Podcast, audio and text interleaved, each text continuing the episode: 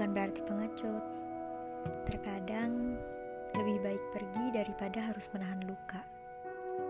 Luka yang tak kian ada akhirnya. Luka yang terus bertambah dan malah beranak pinak.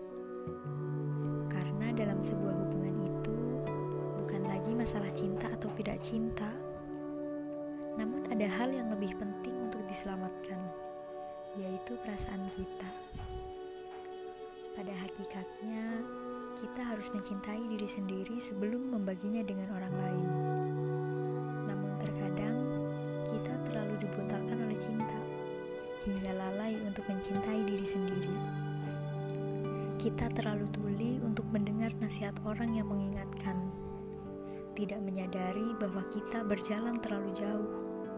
Kita menaruh hati terlalu dalam, hingga akhirnya jatuh terluka, lantas kecewa.